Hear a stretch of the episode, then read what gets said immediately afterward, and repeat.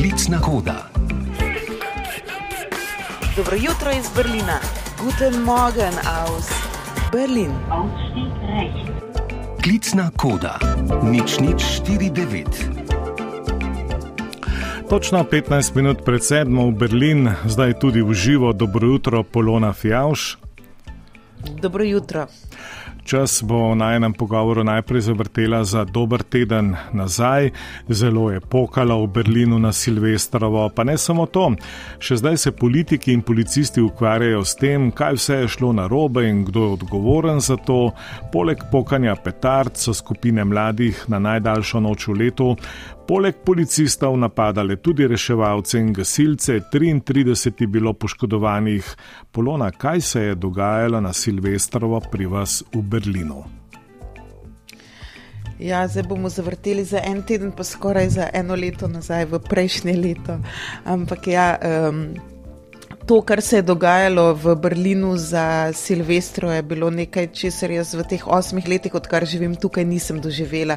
Vedno poka v Berlinu, z izjemo zadnjih dveh let, eh, ko so bila pirotehnična sredstva prepovedana zaradi preobremenjenosti bolnišnic. Ampak.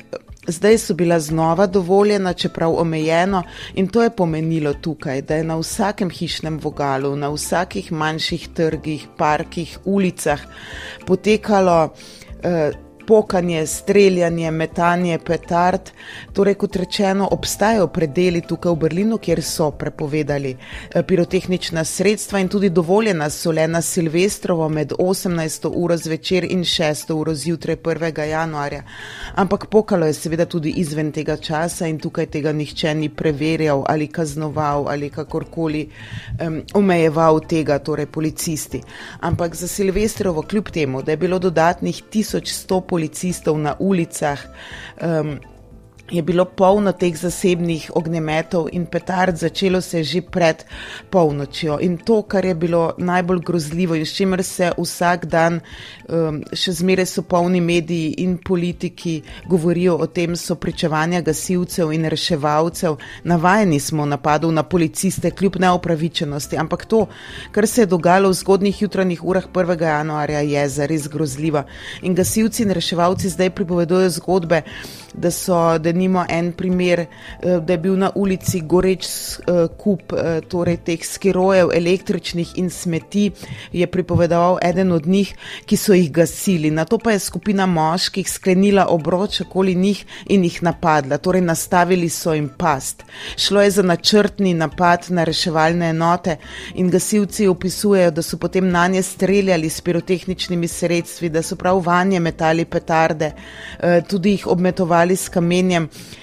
In eh, tudi reševalci, ki so v prestolnici dežurali za Silvestrovo že desetletja, še niso doživeli česa podobnega, pravijo, eh, da je bila letos ta razsežnost napadov povsem drugačna v novih dimenzijah.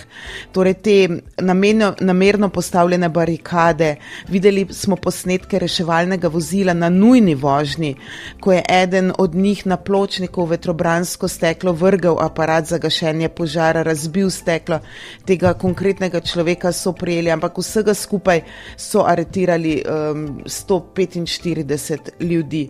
Tako da bila je noč, ki je marsikdo ne bo nikoli pozabil. Kdo pa so bili storilci? Po večini mladi z migranskim ozadjem, pravijo nemški politiki, kar je v Nemčiji zdaj znova spodbudilo razpravo tudi tako o rasizmu kot o neuspešni integraciji. Ja, tako je. Zdaj, eh, zdaj je to tudi velika dilema in nekakšen spor. Nemci so eh, zelo politično korektni, razen skrajno desne stranke AFD um, želijo vsi nekako uh, umirjeno voditi razpravo o tej temi in zdaj nekateri jo vlečejo na raven integracijo, dru, uh, drugi jo pa skušajo umestiti na raven družbe, torej razlojenosti in socialno in družbeno neprilagojenost tistih iz socialno manj privilegiranega miljeja za prikrajšane skupine. Ampak številke kažejo, da je bilo med teh 145 prijetih ljudi, um, da so bili iz 19 15 držav, med njimi je bilo največ Nemcev, 45, potem pa sledijo Afganistanci in Sir, funkcij. In razprava je zdaj uh, tukaj, ali se lahko zreducira, torej, da je bila večina napadalcev mladih moških priseljencev, ali je to rasizem, ali in gre za družbeni pojav, torej, da so nasilni tisti, ki so prikrajšani in med prikrajšanimi je de facto največ mladih priseljencev. Razprava je zelo prisotna v medijih te dni in ni še zaključena. Uh, berlinska županja Franciska Gifa je zdaj napovedala tudi regionalni vrh o mladini, da bi se nekako lotili te težave tam, eh, kot je potrebno. Hkrati pa je posledica silvestrske noči tudi to, da želi notranja ministrica Nancy Fraser iz socialdemokratske stranke še zaustriti prodajo orožja, tudi teh plašilnih pištol, ki so v prosti prodaji, ampak so liberalni svobodni demokrati proti. Tako da obeta se več um, ravni razprave po tej silvestrski noči, ki bo, verjamem, spremljala Nemčijo še nekaj časa. Polona, danes potuješ v Porenje do vasice Litterat, kjer so se v preteklih dneh začeli spopadi med policisti in okoljskimi aktivisti. Slednji branijo vasico, ki naj bi jo porušili, bi, bi lahko širili premogovnik. Kaj pričakuješ, da se bo dogajalo tam v prihodnih dneh? Ja, zelo je napeto te dni v Ljuceratu in okolici. Gre za to, da je nemška vlada že leta 2005 sklenila, da bodo zaradi širjenja premogovnika, gre za dnevni kop, torej v lasti družbe RVE, podrli več naselij, med njimi tudi tega. In dolga leta so trajali postopki, da so okoli 100 prebivalcev tega naselja Ljucerah preselili zadnjega prebivalca oktobra lani. No in zdaj načrt, da se to naselje, ki je zdaj prazno, poruši ampak že od leta 2020 ga ščitijo aktivisti.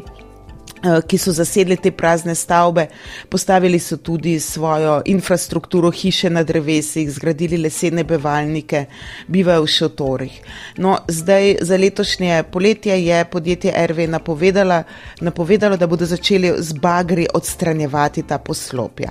In pričakuje se, da bo jutri in pa potem konec tedna v Liceratu, ko so napovedane množični protesti, da se bo odpravili na stotine aktivistov podpreti te, ki so že tam uh, nekaj časa in um, zdaj so se začeli zbirati, in včeraj je prišlo do prerivanja med aktivisti in policisti. Uh, ta deželjna policija Severnega Porenja Vestfalije je na pomoč poklicala policiste iz vseh zvezdnih dežel, odzvalo se jih je 14, poslali bodo konjenico, vodne topove, posebne enote. Skratka, pričakujem, da bo od jutri naprej v Ljuceratu zelo napeto, napeto v torek, torej jutri naj bi novinarjem tudi prepre, preprečili prihod na to območje, zato se jaz tja odpravljam že danes, bom skušala nocoj uh, priti tja, ampak bomo videli, kako bo. In um, ja, v tem času času je ta Ljucerat postal simbol okoljskega aktivizma v Nemčiji in boja uh, za okolje, in tega je zadnje čase kar veliko.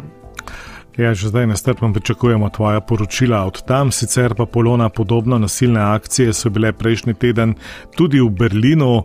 Aktivisti so se pred Ministrstvom za promet skušali, oziroma so skušali poškodovati vozišče tako, da bi to povzročilo prometne zamaške v okolici ni jim uspelo, blokirajo pa ceste v mestu.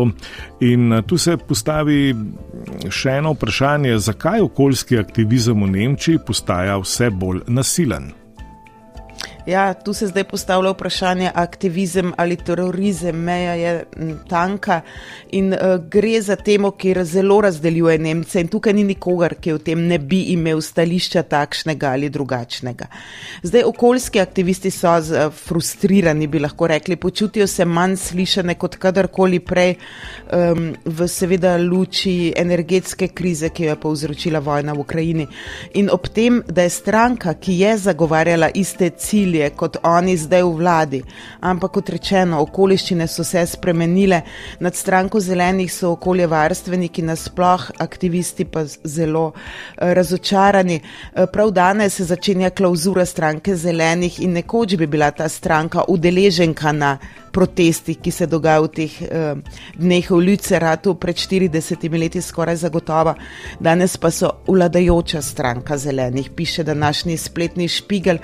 In tudi sama sem veliko razmišljala, kaj je tukaj prav in kje je tega meja opozarjanja na podnebne zaveze. In zdi se, kot da poteka boj med pragmatizmom in nekim idealizmom, ampak verjetno tudi to ni povsem točno, ker boj za zaščito okolja ni idealizem.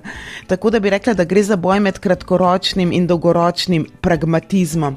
Zeleni nemška vlada skrbijo za energente, da gospodarstvo deluje, da so domovi topli eh, in s tem spreminjajo energetsko in tudi posledično okoljsko politiko in sledijo kratkoročnim, okoljevarstveniki pa so zavezani nekim daljnosežnim ciljem, ki jih trenutni konfortizem ne bi smel mm, nekako zasenčiti, tudi gospodarska rastne in to je razlika med njimi. In ta skupina zadnja generacija, eh, ki je pripravljala te proteste, ki si jih omenjal, ki blokirajo ceste v Berlinu, ki so tudi eh, organizirali akcijo, ko so poškodovali eh, slike v muzejih pravijo, da bodo še naprej motili vsak dan v prestolnici in še kje z raznimi akcijami. Bomo videli, do kakšnih razsežnosti bo to šlo, ampak ljudje v Berlinu so precej nevoljni zaradi tega, kaj ti eh, številni zamujajo v službe, prometni zamaški so kakorkoli, ampak eh, tudi policija je postala bolj odločna in te stvari sanira, aktiviste pa kaznuje z denarnimi očkodninami in z morda 24-urnimi pripori, ampak um, ja, postaja bolj nasilno vse skupaj z obeh strani, tako da bomo videli tudi, uh, kako se bo razvijalo naprej. In kako se bo lovilo to ravnovesje, ki si ga omenjala. Polona, hvala lepa za pogovor in srečno danes in v naslednjih dneh v Porenju. Hvala lepa, lepo zdrav.